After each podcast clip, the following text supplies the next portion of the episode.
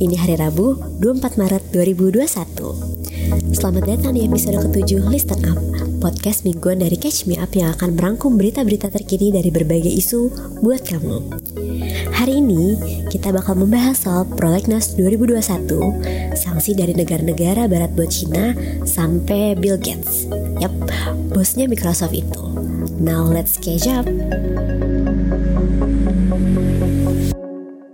Untuk itu marilah kita bersama-sama untuk mengambil keputusan dalam sidang paripurna ini untuk kemudian kita dapat menyetujui laporan Ketua Badan Legislasi DPR RI mengenai penetapan prolegnas RU prioritas tahun 2021 dan apakah dapat kita setujui? Terima kasih. Eh eh, apa itu tadi yang disetujui? Everybody meet Prolegnas, aka Program Legislasi Nasional. Nah kemarin, Dewan Perwakilan Rakyat Indonesia, aka DPR RI baru aja mengesahkan 33 rancangan undang-undang yang masuk ke program legislasi nasional di tahun 2021 ini. Hold on, apa sih prolegnas itu? Gini guys, jadi kamu pasti familiar kan sama banyak banget aturan di sekelilingmu. Contohnya deh, undang-undang ngatur bahwa kalau kamu jadi karyawan di suatu perusahaan, maka kamu berhak untuk dapat cuti tahunan sebanyak 12 hari. Nah, aturan soal cuti tahunan ini diatur dalam undang-undang yang dibikin di DPR bareng sama pemerintah.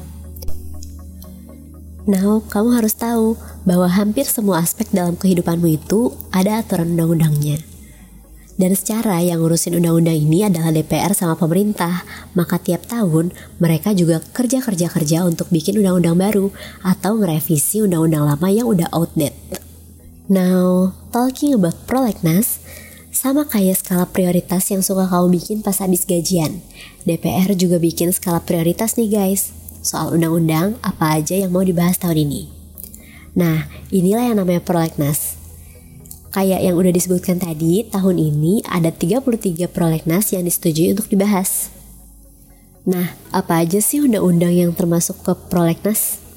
Ada beberapa guys, kayak rancangan undang-undang perlindungan data pribadi, undang-undang larangan minuman beralkohol, undang-undang tentang BUMN, undang-undang tentang pendidikan kedokteran, sampai yang paling banyak jadi perbincangan nih, undang-undang penghapusan kekerasan seksual. Iya guys, RUU PKS akhirnya masuk prolegnas. Seiring dengan masuknya RUU PKS ke prolegnas prioritas tahun ini, Ketua DPR RI Mbak Puan Maharani bilang bahwa hal itu merupakan bukti keberpihakan negara kepada perempuan dan korban kekerasan seksual. Mbak Puan juga bilang bahwa kebijakan ini gak lepas dari keinginan publik yang kemudian didengar oleh DPR. Oke Mbak Puan, masuk prolegnasnya udah, kini tinggal dibahas sampai beneran jadi undang-undang ya Mbak. Yuk.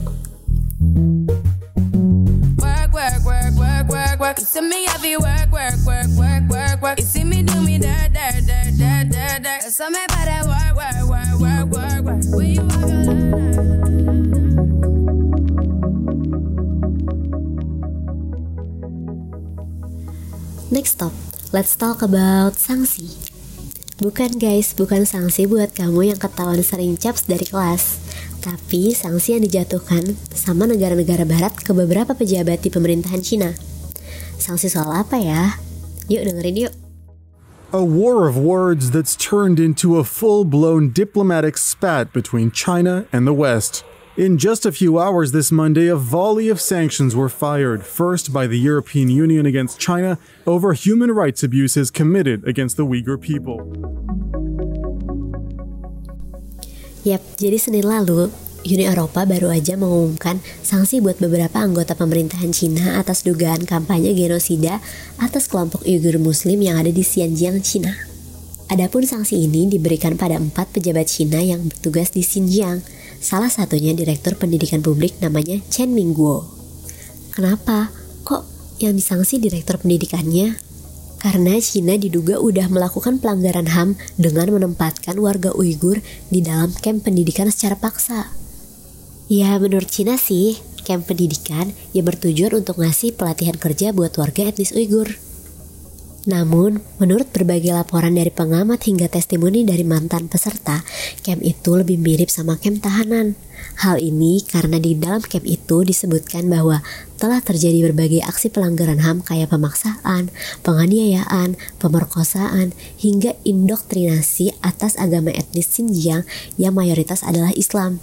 Alasan untuk warga bisa ditahan di campnya juga macam-macam. Mulai dari memiliki Al-Quran, jadi guru ngaji, sampai bikin paspor. Tapi so far, Cina udah menolak semua tuduhan ini.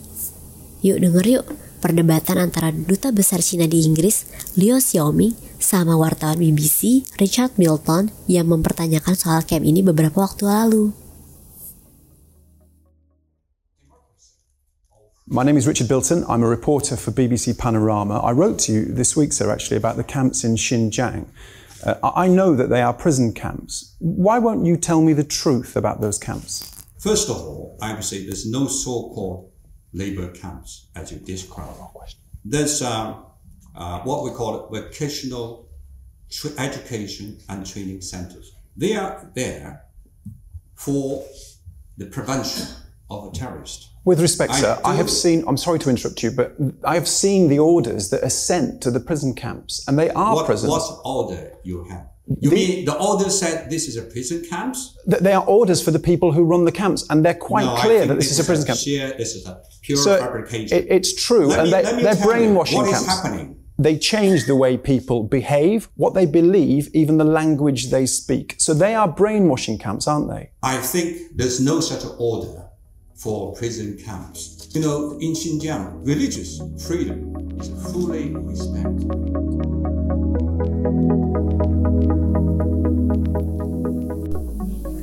Nah, seru kan guys perdebatannya?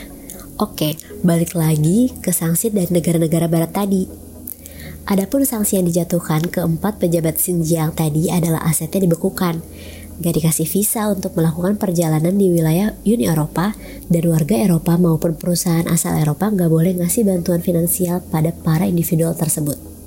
Selain Uni Eropa, negara barat lainnya kayak Inggris dan Kanada juga melakukan hal yang sama, yaitu menjatuhkan sanksi pada empat orang tadi. Meanwhile, Amerika sih udah dari tahun lalu ngasih sanksinya. Adapun sanksi ini merupakan upaya dari pemerintah-pemerintah barat tadi untuk mendesak China menghentikan aksi dugaan pelanggaran HAM-nya. Napas dulu guys. Nah sekarang, let's hear it from China. Seiring dengan munculnya kebijakan ini, China bete dong. Mereka kemudian gercep menjatuhkan sanksi juga buat 10 orang asal Uni Eropa, termasuk di antaranya politisi dan peneliti yang bikin kebijakan soal Xinjiang. Dalam keterangan dari Kemenlunya, China mendorong Uni Eropa untuk membatalkan sanksi yang dijatuhkan pada empat tuh orang warganya itu dan minta Uni Eropa untuk gak ikut campur urusan dalam negeri China.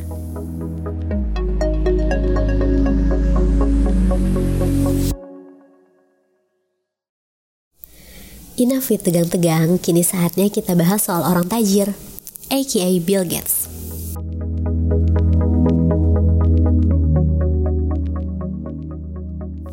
Jadi minggu lalu, Orang tertajir kedua di dunia itu baru aja bilang bahwa doi mau lebih jarang traveling pakai pesawat terbang dan mau lebih sering makan daging sintetis. Alasannya global warming. Yang kayak yang kau udah tahu penerbangan itu sebenarnya gak ramah banget buat lingkungan karena emisi gas yang dihasilkan sama pesawat yang sedang terbang akan langsung memenuhi atmosfer. Efeknya, resiko pemanasan suhu di atmosfer bumi bakal lebih besar. Meanwhile, daging sapi juga agak kurang ramah lingkungan guys. Karena sapi-sapi ini menghasilkan gas metane yang juga memicu makin panasnya permukaan atmosfer. Atas alasan inilah, Gates kemudian memutuskan untuk jarang-jarang aja deh makan daging sapi dan naik pesawat.